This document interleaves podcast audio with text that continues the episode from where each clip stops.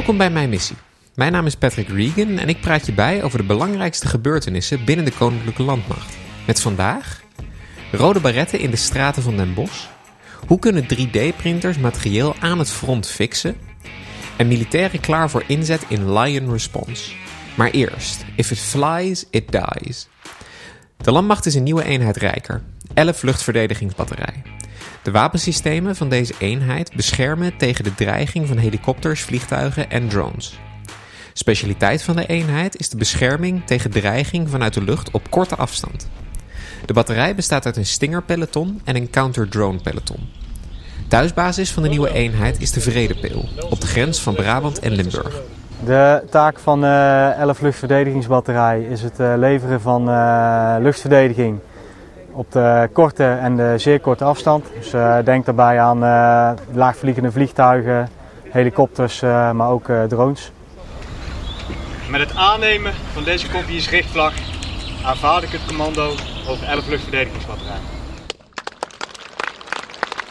De komst van de eenheid is pas het begin. Er wacht een reeks veranderingen om de Nederlandse luchtverdediging te versterken. Zo is het de bedoeling om de systemen voor de verdediging op middellange afstand niet alleen te vervangen, maar ook uit te breiden. Ten slotte wordt ook de Patriot-capaciteit uitgebreid. De Patriot is een grondgebonden luchtverdedigingssysteem voor de middellange afstand. Het systeem is ontworpen voor de luchtverdediging tot een hoogte van ongeveer 20 kilometer en een afstand van 60 kilometer. Het wapensysteem kan helikopters, bemande en onbemande vliegtuigen, ballistische raketten en kruisraketten uitschakelen. Het kan meerdere doelen tegelijk volgen en meerdere onderscheppingen tegelijk uitvoeren.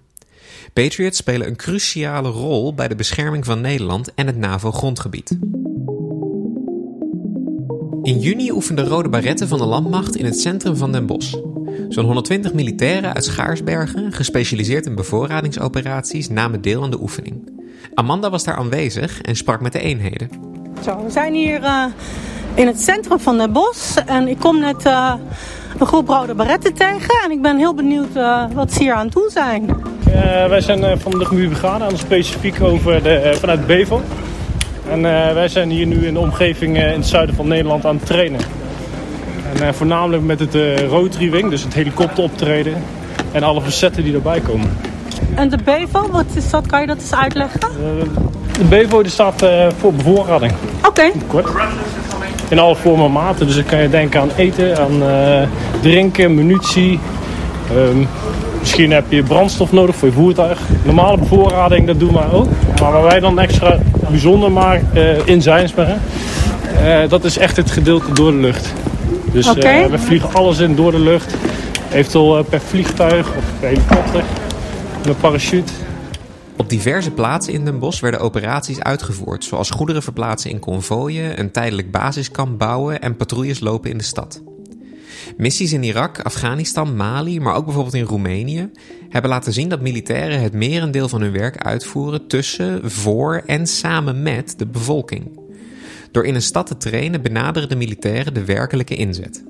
Tijdens de training kregen de militairen een aantal oefenincidenten. Denk aan een schietincident, een aanval met een drone en een aanval van vijandelijke eenheden. De militairen maken gebruik van oefenmunitie om overlast voor inwoners zoveel mogelijk te voorkomen. Twee Chinook-helikopters waren wel zichtbaar en hoorbaar boven de stad. Die zorgden voor bevoorrading van de manschappen. De inwoners van Den Bosch konden op 7 juni een bezoek brengen aan de eenheid en de helikopters op de Pettelaarse Schans, een fort ten zuiden van de stad. Er zijn uh, allerlei voertuigen, uh, militaire voertuigen te zien. En net uh, kwamen er ook een aantal helikopters over. Ik sta hier met de major Den Boer.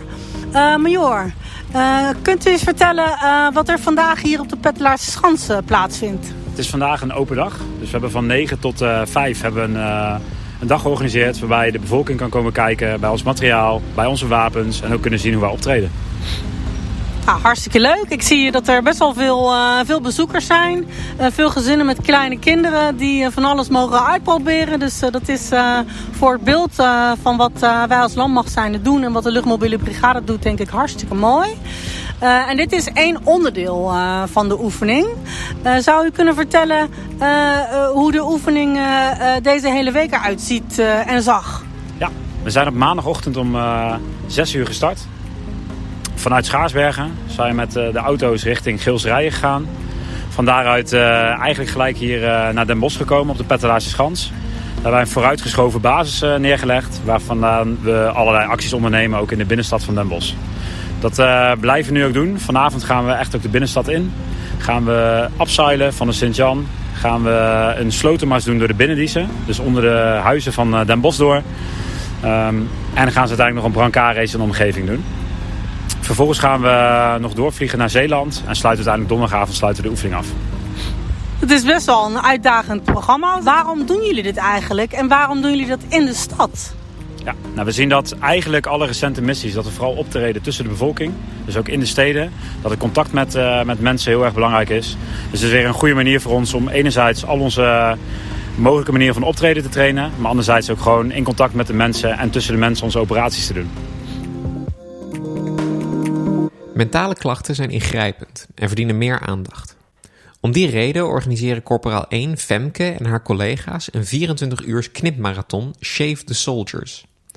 Meerdere barbiers knippen haren en trimmen baarden om 5000 euro op te halen voor het goede doel. Femke weet uit ervaring hoeveel impact een trauma kan hebben. Vijf jaar geleden werd bij haar PTSS vastgesteld. Pas toen ze haar problemen erkende en accepteerde, kon ze aan herstel werken.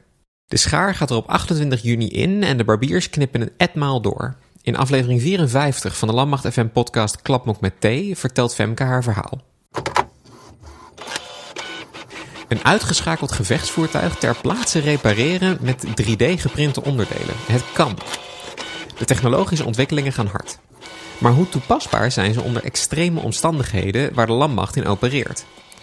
Krijgsmachten en kennisinstituten uit 12 landen kwamen in Ede bij elkaar om te testen en te experimenteren. Toepasbaarheid stond voorop.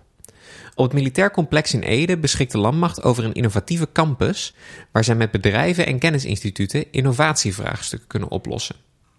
Straks zal uh, jullie een uitleg gegeven hoe het uh, proces gaat aanlopen. Ik zal jullie dadelijk een, uh, met de derde week van juni stond in het teken van een alarmeringsoefening Lion Response van de NAVO.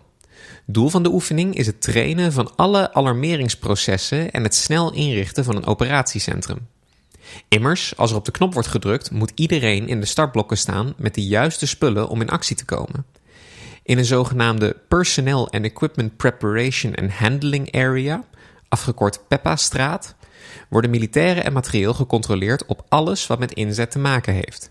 Denk hierbij aan vaccinaties, medische controles, gereed zetten van munitie en andere voorraden, controle van contactpersonen en het maken van portretfoto's. Uh, bij een inzet van de NAVO krijg je eigenlijk pas een heel laat stadium uit te horen wat je eindlocatie is.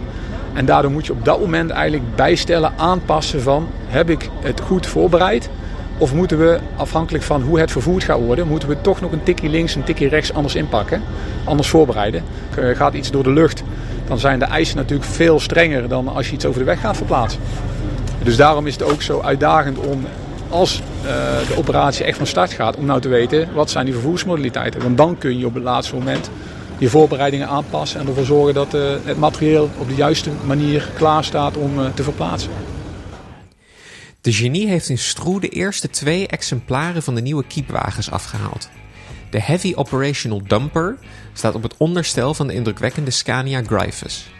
De Scania Gryphus is trouwens het nieuwe werkpaard van de krijgsmacht. De Gryphus is een modulair transportsysteem. Verschillende modules maken de kale versie klaar voor de inzet. De Heavy Operational Dumper is dus één van die modulaire systemen.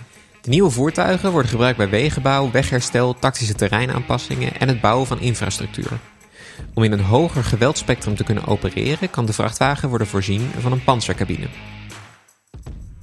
Bedankt voor het luisteren naar mijn missie. Je volgt de Landmacht op Twitter, Facebook, YouTube en Instagram. En natuurlijk door je te abonneren op deze podcast.